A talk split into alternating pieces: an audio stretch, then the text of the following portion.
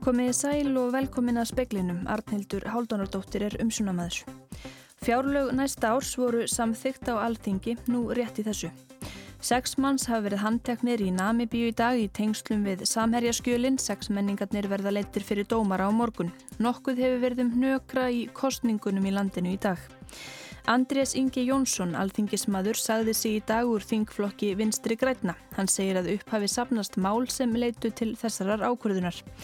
Óveður setur streiki í reikningin fyrir 2 miljónir bandaríkjamanna sem higgjast halda upp á þakkargjörðarháttíðina með sínum nánustu á morgun og um helgina.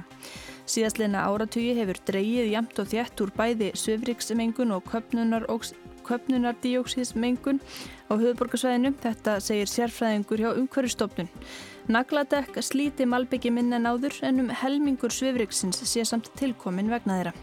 Michael Bloomberg er í mist republikani óháður eða demokrati. Nú vill hann verða fórseta efni demokrata og ætlar að eða áður óþægtum fjárhæðum í þeim tilgangi. Alþingi er að afgreða fjárlög næsta árs í þessum töluðu orðum. Samherja skjölinn voru yfir og allt um kring þar sem formaður samfélkingarinnar sakaði meiri hluta fjárlaganemdar um undirlæjuhátt. Fórsættisráð þeirra saði engan þurfa að velkjast í vafa um að eftirlitsstofnunum erði tryggt nægt fjármagn. Þingmenn samfélkingarinnar hafa gaggrínt stjórnarflokkana fyrir að samþykja ekki breytingatillugu flokksins um aukið fjármakt til skattaransóknarstjóra, ríkiskattstjóra og hérasaksóknara, ekki síst í ljósi samæriaskjálana. Lógi Már Einarsson, formaður samfélkingarinnar, saði forsætisráð þeirra hafa talað fyrir auknu sámræði og að auka vega alþingis. Og ætlar að láta hæstvirtan dónsmálaráð þeirra og hæstvirtan fjármálaráð þeirra ákveða hvort, hvenar og hvað mikið á að láta í rannsóknunar.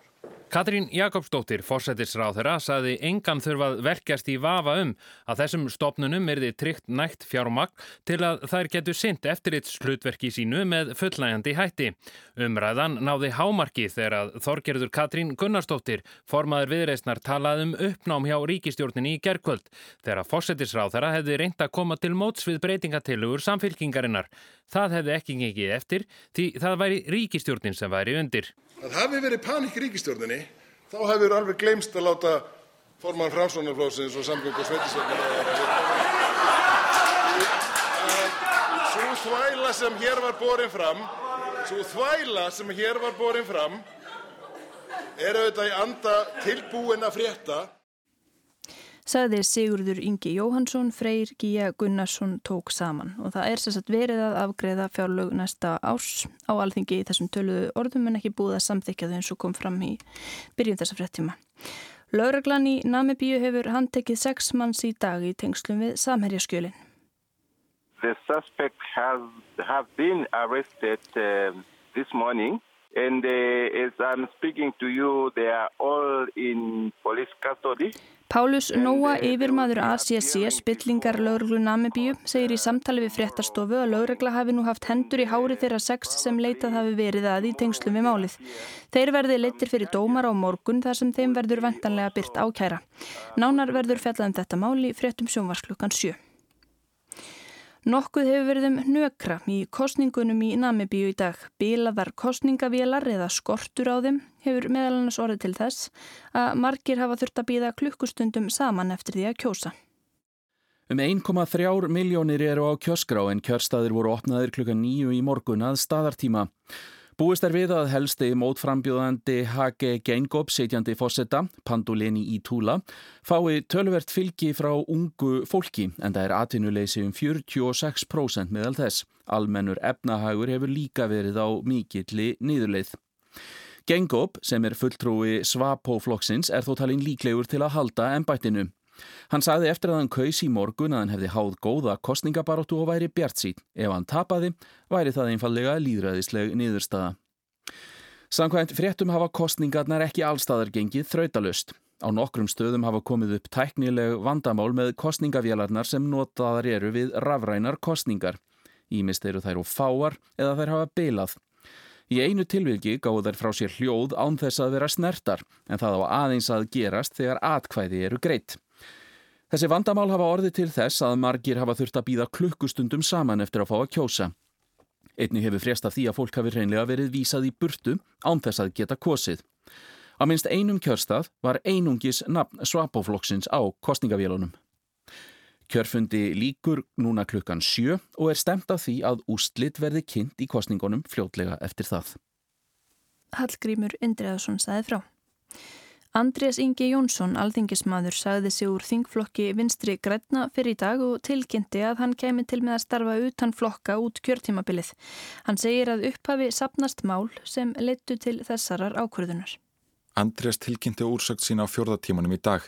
Hann segir að of oft hafi málamiðlanir fallið fjarrri hugsunum flokksins.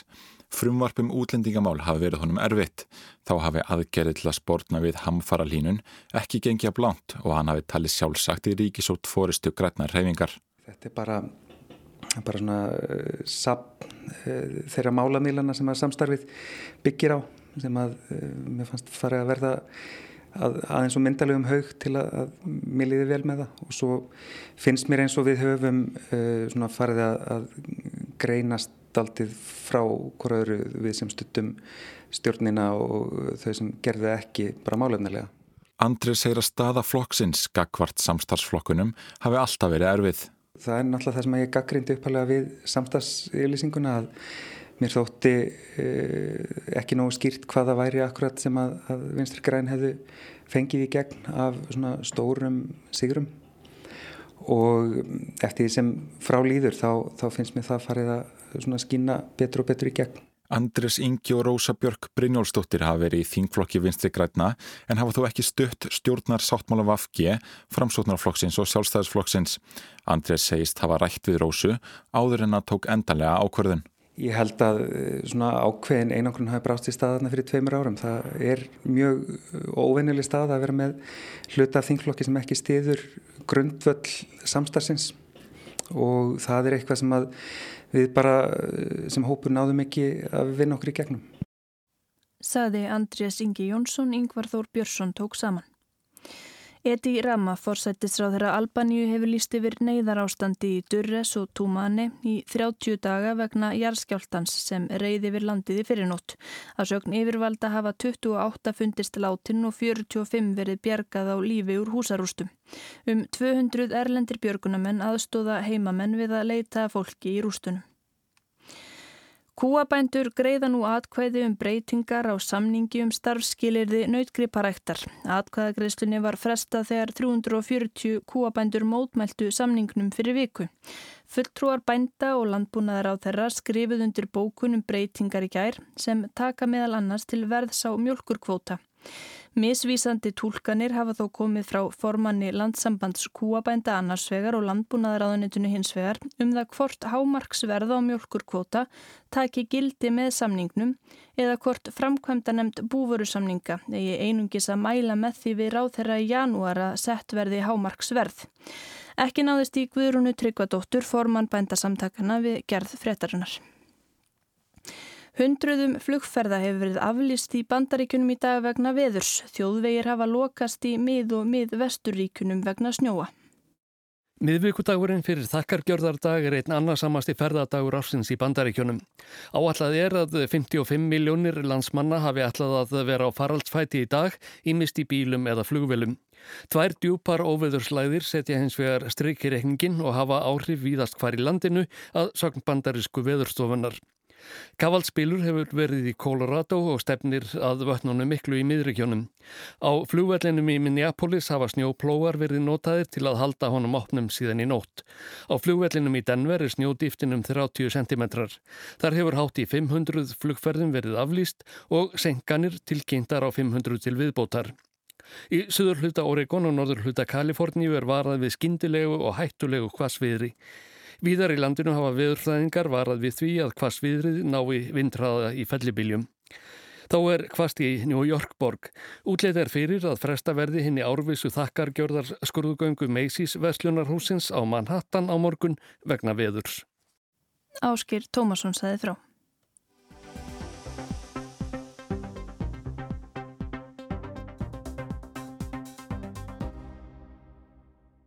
Síðastliðna áratugi hefur dreyið jamt og þjætt úr bæði svifiriks og köpnunar efni stíóksíðs mengun á höfuborgarsvæðinu. Þetta skrifast helst á breytt veðurfar, betri mengunarvarnar búnað í bílum og nýnagladekk sem síður tætt upp malbyggið. Þorstein Jóhansson, sérfræðingur hjá umhverjastofnun, segir að þrátt fyrir endurbætur séu nagladekkin en helsti skadvaldurinn. Ábyrg fyrir um helmingi alls svifriks. Hann fagnar því að sveitarfélög og vegagerðin hafi fengið heimild til þess að takmarka umferð vegna mengunar um stundarsækir. Svona ef við horfum 20-30 ára til tíma þá hefur við verið að minka og, og hérna það er ímsak, geta verið ímsak orsaki fyrir því. Það er hugsanlega breytt veðurfar. Við vorum áður fyrr fyrir 20-30 ára með fleiri vetur þar sem voru bara svona froststillur dag til dag. Eh, það er síður í dag. Er það raunin viðast hvar í Evrópu að mengunin sé um fari minkandi eða hafi fari minkandi á síðustu ára? Já, ef við vorum að horfa þetta 2-3 ára til tíma þá hefur það verið raunin og það er þá fyrst og fremst út af hérna bættu mengunarvarna búnaði í bílum. Þannig að það er sé sama allstaðar, það er allstaðar bílum að fjölga eins og hér og það sé kannski svolítið ekstrím hér út af ferðamennunum og, og bílilögu bílum en, en betri mengunarvarna búnaði hann hefur verið að skila verulega betri loftikæðum. Ef við lítum nær okkur í tíma, cirka fimm ár aftur, sérst að mengunin á höfuborgarsvæðinu hefur staði í stað þrátt fyrir mikla umferðaraukningu. Á síðustu tveimur árum virðist köpnunar efnis díóksís mengunin þó hafa aukist lítilega. Það er samt ofta erfitt að sjá einhvern svona trend á stuttum tíma vegna þess að veðrið hefur svo mikið að segja þannig að bara smá breytingi veðri millir vetra getur haft áhrif á mæligildin. Svifriksmengun á Akureyri hefur verið mikið í umræðinni. Þar hefur ástandið líka skánað síðastlina áratugja sög Þorstens. Heimur batnandi fer að einhverju leiti þó að loftslagsáhrifin aukist með vaksandi umferð gerir söfriksmengunin það ekki endilega. En hvað um mengunar toppana sem hafa verið í umræðinu síðustu daga, þessa sem að gera börnum og öðrum sem eru viðkvæmir fyrir, erfittum vika vera útifið reynlega.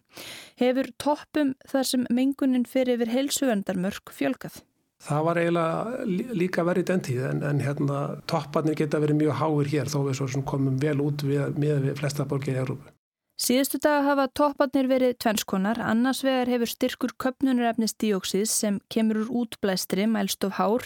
Þetta er mengun sem sapnast upp og myndar eins konar brúna slikju yfir borgum og bæjum. Hins vegar er það svifrikið og það er alls konar, sótagnir í útblæstri, rík sem bílar þeita upp, moldarfók af fránkvöndasvæðum og tætt slitlag. Þessi mengun getur auki líkur á hjarta og æðasjúkdómum og hugsanlega Alzheimer. Því smerri sem agnirnar eru, því hættulegri eru þær og þær smæstu berast ekki einungi sofan í lungun, heldur komast inn í blóðrásina.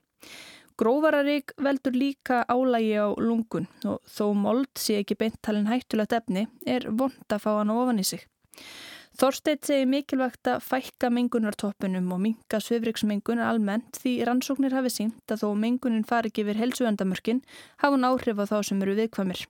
Hann fagnar því að í nýjum umferðarlögum fái sveitarfélög og vegagerðin heimild til þess að takmarka umferð tímabundið en segir að heimildin hefði mátt koma fyrr.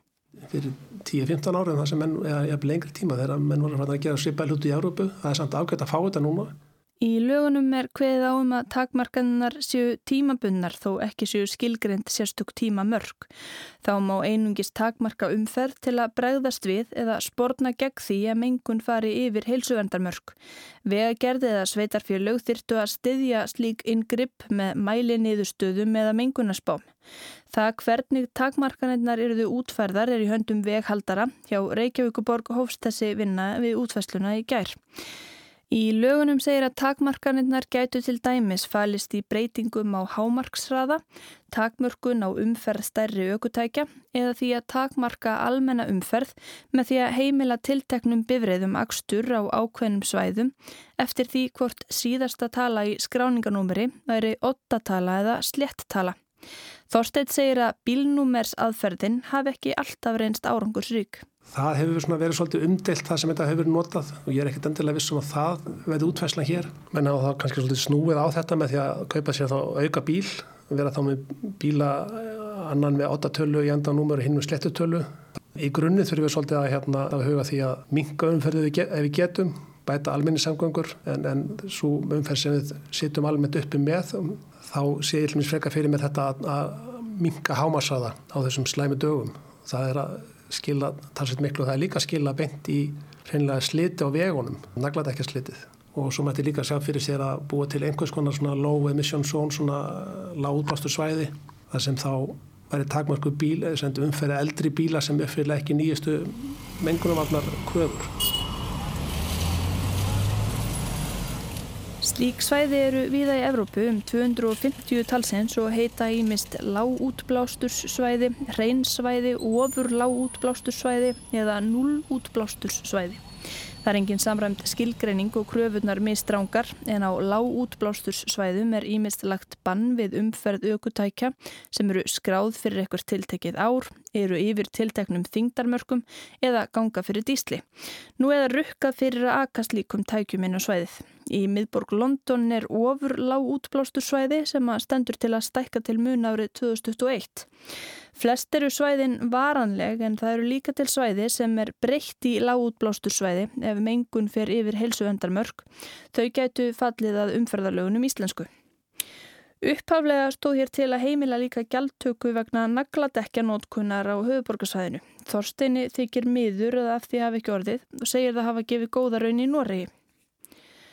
Þorsteit sér ekki fyrir sér að sveitarfélög beiti raðatakmörkunum eða öðrum inngripum oft, kannski nokkrum sinnum á ári og þá líklega helst á mornana þegar umferðin er hægkortið er. Samhliða þurfi að gera meira af því að sópa og ríkbinda. Það séu auðvitað dýrt og tímafrækt að sópa en aftur á móti sé hægt að ríkbinda höfuborgarsvæðið á einum degi. Ríkbindingin er miklu ódýrari heldur en sópunin og miklu skilvirkari til skams tíma þannig að ríkbindinga leið til að retta sér yfir slæmudagana retta sér fyrir hotn en svo þurfum líka að halda í horfinu með sópun. Það hvaða útfærsla hefur mest áhrif hlýtur að ráðast að því hvað það er sem að helst veldur svifriki og mengun. Þorstein segir að þetta sé árstíðabundið. Á vorin mælist oft hágildi vegna sandfóks af Suðurlandi. Á veturna sé þetta engum svo kallað göturík sem vera megin parti slitið malbygg. Þorstein segir að nagladekkin séu ábyrg fyrir nær öllu göturíkinu. Síðastliðin ár hefur nótkun nagladekja aukist aftur á höfuborgarsvæðinu eftir samdráttarskið. Í fyrstu talningu hausins voru 34% bíla á naglum en hlutfallið fór hæst í 45% síðast síðastliðin vetur. Þá er nagladagsi miklu betri í dag. Þá þeir samt alltaf og munu alltaf slíta meira heldur en óneldekk. Nýjustu gera nagladekki meira kannski að slíta 20 sinu meira. Þorstein tilur að nagladekkin séu ábyrg fyrir um helmingi þess svifriks sem myndast á höfuborgarsvæðinu yfir árið. Við getum kannski sagt að nagladekkin séu ábyrg fyrir 95% af slítinu en svo ef við leggjum saman all, allar uppsprettur þá er þetta göturík er kannski svona cirka helmingur af Suðuríkinu sem að reknaði yfir árið. Annað er þá útblástur uh, svo rík frá framkvæmdum, það sem eru jarðursankvæmdir. Það getur verið verulegt í nákvæmni framkvæmdarsveðsins Michael Bloomberg er ímist republikani, óháður eða demokrati. Nú vil hann verða forseta efni demokrata og ætlar að eigða áður óþægtum fjárhæðum í þeim tilgangi. Hann bannar fjölmiðla veldi sínu að fjalla ítla um sig og reyndar aðra frambjöðandu demokrata. Um Donald Trump gegnir öðru máli. Nýðskrifum Trump eru vel þegin. Donald Trump fagnar frambóði Bloombergs. Uh, but he doesn't have the magic to do well. There is nobody I'd rather run against than little Michael, that I can tell you. Michael Bloomberg er nýjundi ríkasti maður bandaríkjana, fjórtándi ríkasti maður veraldar. Hann var demokrati en skipti um flokk og var kjörinn borgarstjóri í New York borg fyrir republikana rétt eftir áráseitnar á tvíburatörnana 2001. Hann var borgarstjóri í þrjú kjörtímabil, fyrst fyrir republikana en síðar sem óháður. Í fyrra skráði hann sig aftur í demokrataflokkin og vill nú verða forsetta frambjöðandi þeirra. Blumberg tilkynnti formlegum frambóðið á sunnudag og jafn framt um 31 miljónar dollara auglýsingaherferði í sjónvarpi. Aldrei hefur nokkur frambjóðandi eitt viðlíka uppæði auglýsingar á einni viku. Barack Obama átti fyrrametið í loka viku kostningabaráttu sinnar. Bloomberg borgar úr eigin vasa. Miljardamæringarnir Michael Bloomberg, Tom Steyer og Donald Trump hafa í sammenningu eitt tveimur af hverjum þremur krónum sem eitt hefur verið í kostningabaráttuna til þessa. Blumberg er óhrættur við að nota eigin fjölmiðla í eigin þáu. Á sunnudaginn sendi yfir rittstjóri Blumberg fréttaveitunar bref til 2700 bladamanna fyrirtækisins með þeim fyrirmælum að ekki mætti kafa eftir neinu misjöfnu um Blumberg sjálfan eða frambóð hans. Það má fjalla um kostninga baráttuna sem slíka en enga rannsókna bladamennsku um forseta frambíðandan og fjölmiðla eigandan. Reyndar gildi sama fyrir skipunum aðra frambjöðundur demokrata í forvalunu. Blaðamenn mega hins vegar áframbeina kröftum sínum og spjótum að Donald Trump. Það er stefna fjölmiðilsins að fjalla ekki með gaggrínum hætti um eigandan og frambjöðandan Bloomberg eða núverandi samflokksmenn hans í frambóði en allt er leifilegt gagvar Donald Trump. Blumberg hefur áður sagt að hann vilji ekki að bladamenn sem hann borgar laun skrifi ítlaðmann. Hann vilji ekki að þeir séu sjálfstæðir eða óháðir. Miljardamæringar eiga orðið flesta fjölmiðla. Rúbert Murdoch er gamalt og rótgróið dæmi en miljardamæringar hafa keift upp fjölmiðla í nafni manngæsku. Jeff Bezos eigandi Amazon á Washington Post, líftækni mógúdlin Patrick Soon-Siong á LA Times, stopnandi Salesforce Mark Benioff á Time tímaritið, Lawrence Powell Jobs fyrir með eiginkona Steve Jobs á Atlantic og John Henry á Boston Globe og reynda knaspinnuliði Liverpool einnig, svo fátt eitt sé nefnt. Fylgi Blumbergs hefur aðeins mælst um 2% í skoðanakönnunum, svo auglýsingaherferð hans þarf að breyta landslæginu ansi mikið. Hann þarf að ná 4% að fylgi til að komast í kappræður demokrata 12. desember. Blumberg hefur heitið því að taka ekki við neinum framlögum. Hann ætlar að fjármagna kostningabaráttu sína sjálfur með 500 miljóna dollara eigin framlægi. Það er brota brot af auðæfum miljardamæringsins Michael Blumberg. Pálmi Jónasson tók saman.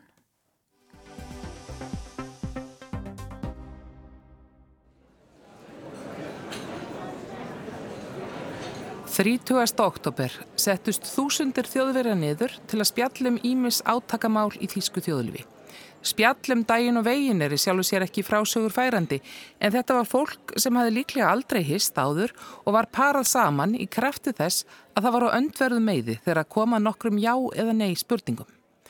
Spurningum eins og á að leggja meiri skatta á flugferðir, á ríkið að grípa frekar inn í fastegnamarkaði til að tryggja frambóða á viðráðanlegu húsnæði, eru aldraðir, dragbítar á henni yngri, á að sækjast eftir nánæri tengslu við Rústland, lætur Þískaland austur þjóðveri að sig á litlu skipta, hafa konur, sömu tækifæra karlar, hefur ströymur innflytjenda dreigið úr öryggi í Þískalandi. Allt eru þetta spurningar sem hafa vakið hatrömm skoðanaskipti á ofnbjörnum vettvangi og samfélagsmiðlum. Mestur ágreiningur virðist vera um sambandi við rúsa því þar skiptust menn næstum til helminga. 52% vildu nánara samband en 48% ekki. Eða þá að þetta er það fjarlagt að það var næri tilviljun hvort hann sögðu já eða nei. Næstum 20.000 manns tóku þátt í Könnundítsætt og skráðu líka postnúmeri sitt og örlítið um sjálfa sig.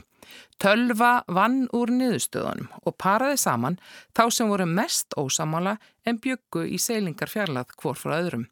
Því þennan haustdag sátuminn anspænis hvoraðurum og rættust við undir fjögur augu sumir í marga klukkutíma.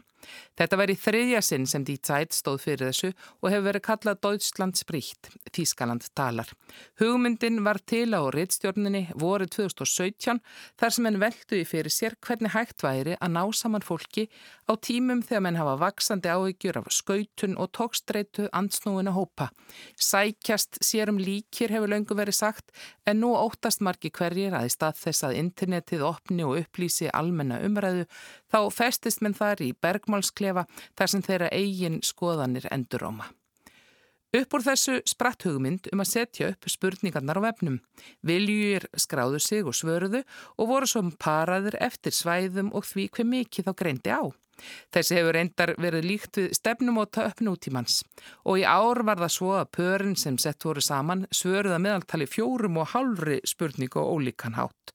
Og þannig virtist lengra á milli þáttakandi en í fyrra og hitti fyrra þegar þá sem voru paraði saman greindi á í rúmlega þremur svörum af sjö. Þó að yfirskriftin sé Þískaland talar, þá verður hópurinn sem þarna gefur sig fram auðvitað til af sjálfum sér og samsetningin þó að fjölbreytt sé er ekki alveg eins og þýska þjóðin. Karlar eru hlutfallslega fleiri þó að konunum hafi fjölgað og eins eru stórborgarbúar áhuga samar um samtölin en þeir sem í sveitunum búa. Reyndar segir í umfjöllunum um spurningar ársins í ár að greinilegastur sé munurinn í svörum milli aldursópa, frekarn eftir kyni eða búsettu og kemur kannski ekki óvart að tölvast fleiri ungir þjóðverjar teljað aldraðir lifi á kostna þeirra yngri. Dítsætt hefur svo skrifað um suma þáttagnendur og hvað þeim fór á milli. Jochen Wegner, reittstjóri VEF útgáfi Dítsætt, var svo fyrsti sem skráði sér til þáttöku í upphafi bara til að prófa en ákvað svo að taka fullan þátt og hann skrifar um samtalsitt við Mirko. Wegner gaf það upp að hann væri kallmaður. Eitti frítíma sínum helst í sófanum, væri bladamaður, hefði dálæti á japansku mat og helst mætti þekkjana því að hann er hávaksinn, gráherður og með glerugu. Mirko er kallmaður, frítímanum veran í eldamennsku, tölvuleiki og að skemta badninu. Hann er vélamæður og þrítugsaldri með smekk fyrir fimmurabröndurum og hægt að þekkja hann af hringnum í miðnesinu. Mirko er reyndar ekki rétt nafn mannsinn sem Vegner rætti við. Því Vegner lýsir því áður en þið settust niður þá hafða nokkrar áhyggjur að því hvort það myndi tröfla samtalið að sjálfur er hann bladamæður og líka vegna þess að þegar hann googlaði Mirko þá fann hann lista yfir nínasista í Sakslandi og sumum niðurstöðunum sem tengdust nafni Mirkos hafði verið eitt. Enga síður ákvaða er eftir smá samskipti með rafposti að hittast og Vegner lýsir því hvernig hann verður í raun aðeins vonsvikin yfir því að þegar tilkemur þá sker Mirko sér ekki svo frá öðrum íbúum í Prenzlauerberg í Berlín þó svo hann hafi lýst skoðunum sem ekki sé algengt að rekast á þar. Vegner segist með sjálfum sér hafa ákveðan Mirko hliti bara eiga alnafna í Sakslandi. Hann lýsir svo samtaleðir á kaffehúsinu sem er yfirvegað og upplýsandi þó að þeir séu ósamálu um margt og að lokum hafi þeirra minnstakosti fengið smá insýn í annars heim. Reyndar var þetta Mirko og nazista samkominni, 15 ára gamal og ekki sami maður og þá. Önnur frásög frá því hausturum samtal tvekja kjósenda kristilegra demokrata, flokks Angelu Merkel kanslara sem eru samt ósamálum flest. Þar er það tókstreitan millir borgar og sveitar sem helst er áberandi. Konan býr í Leipzig og Karli Littlu Þorpi skamtar frá. Félagsvísindamæðurinn Armin Falk hefur gert könnun meðal þáttakanda í samfaraðanum og komist að því að þær hafa nokkur áhrif á skoðinni þeirra sem taka þátt. Viðmælendur nálgast hver annar nokkuð en segir alltaf verið til fólk sem tekur mjög harða og öfgakenda afstöðu. Auðvitað verður líka taka til til þess að þeir sem á annað borð eru tilbúinir að setjast niður til samtals eru líklega opnari en þeir sem halda sér fast í jábræður sína og sýstur. Falk segir að það sem skiptir mestu sé að fólk sé tilbúið að hlusta og það að hlusta sé að vel mikilvægara en að tala. Flokkadrættir sé ekkit nýtt í þýsku samfélagi menn geti horta aftur til þriðja og fjórða áratöga síðustu aldar en á undanförnum árum þá hafi aðgreining aukist bil millir austurs og vesturs, ungra og gamalla, ríkra og fátækra, mentaðra og ómentaðra hafi vaksið. Það sé minni blöndun í hverfum en áður var og þeim sem hafi minni tekjur hafi til dæmis verið ítt út úr miðborgunum.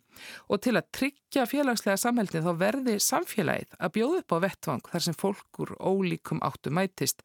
Falk nefnir reynda til sögunar herrþjónustu sem ekki sé lengur skilda þar sem áður hafi hist fólk af ólíkum uppruna og ólíkum bakgrunni. En þetta fyrirkomulag hefur breyðst nokkuð út síðan fyrstu samtölun voru í Þískalandi fyrir tveimur árum og til að síða þar sem rækin er nokkur slík verkefni. Í ár hafa þúsundir breyta, dana, finna, ítala og belga til dæmis sest niður til samtals við mannesku sem á marganhátt er á öndverðinu með við þá. Og síðar í november má búast við því að svíjar reyna að krifja málefn dagsins til dæmis hvort bensins jóf dýrt hvort svíjar eigi að taka múti færi flótamennum, ættu þeir að borða minna kjöt vegna loslasbreytinga, eru skattar og fáir, áabanna bell og hverja afstamanna til úlfa. Hvaða spurningar ætli kveiktu helst í Íslendingum? Líklega væru þær svipaðar, valla úlfa veðar, en kannski kvótin.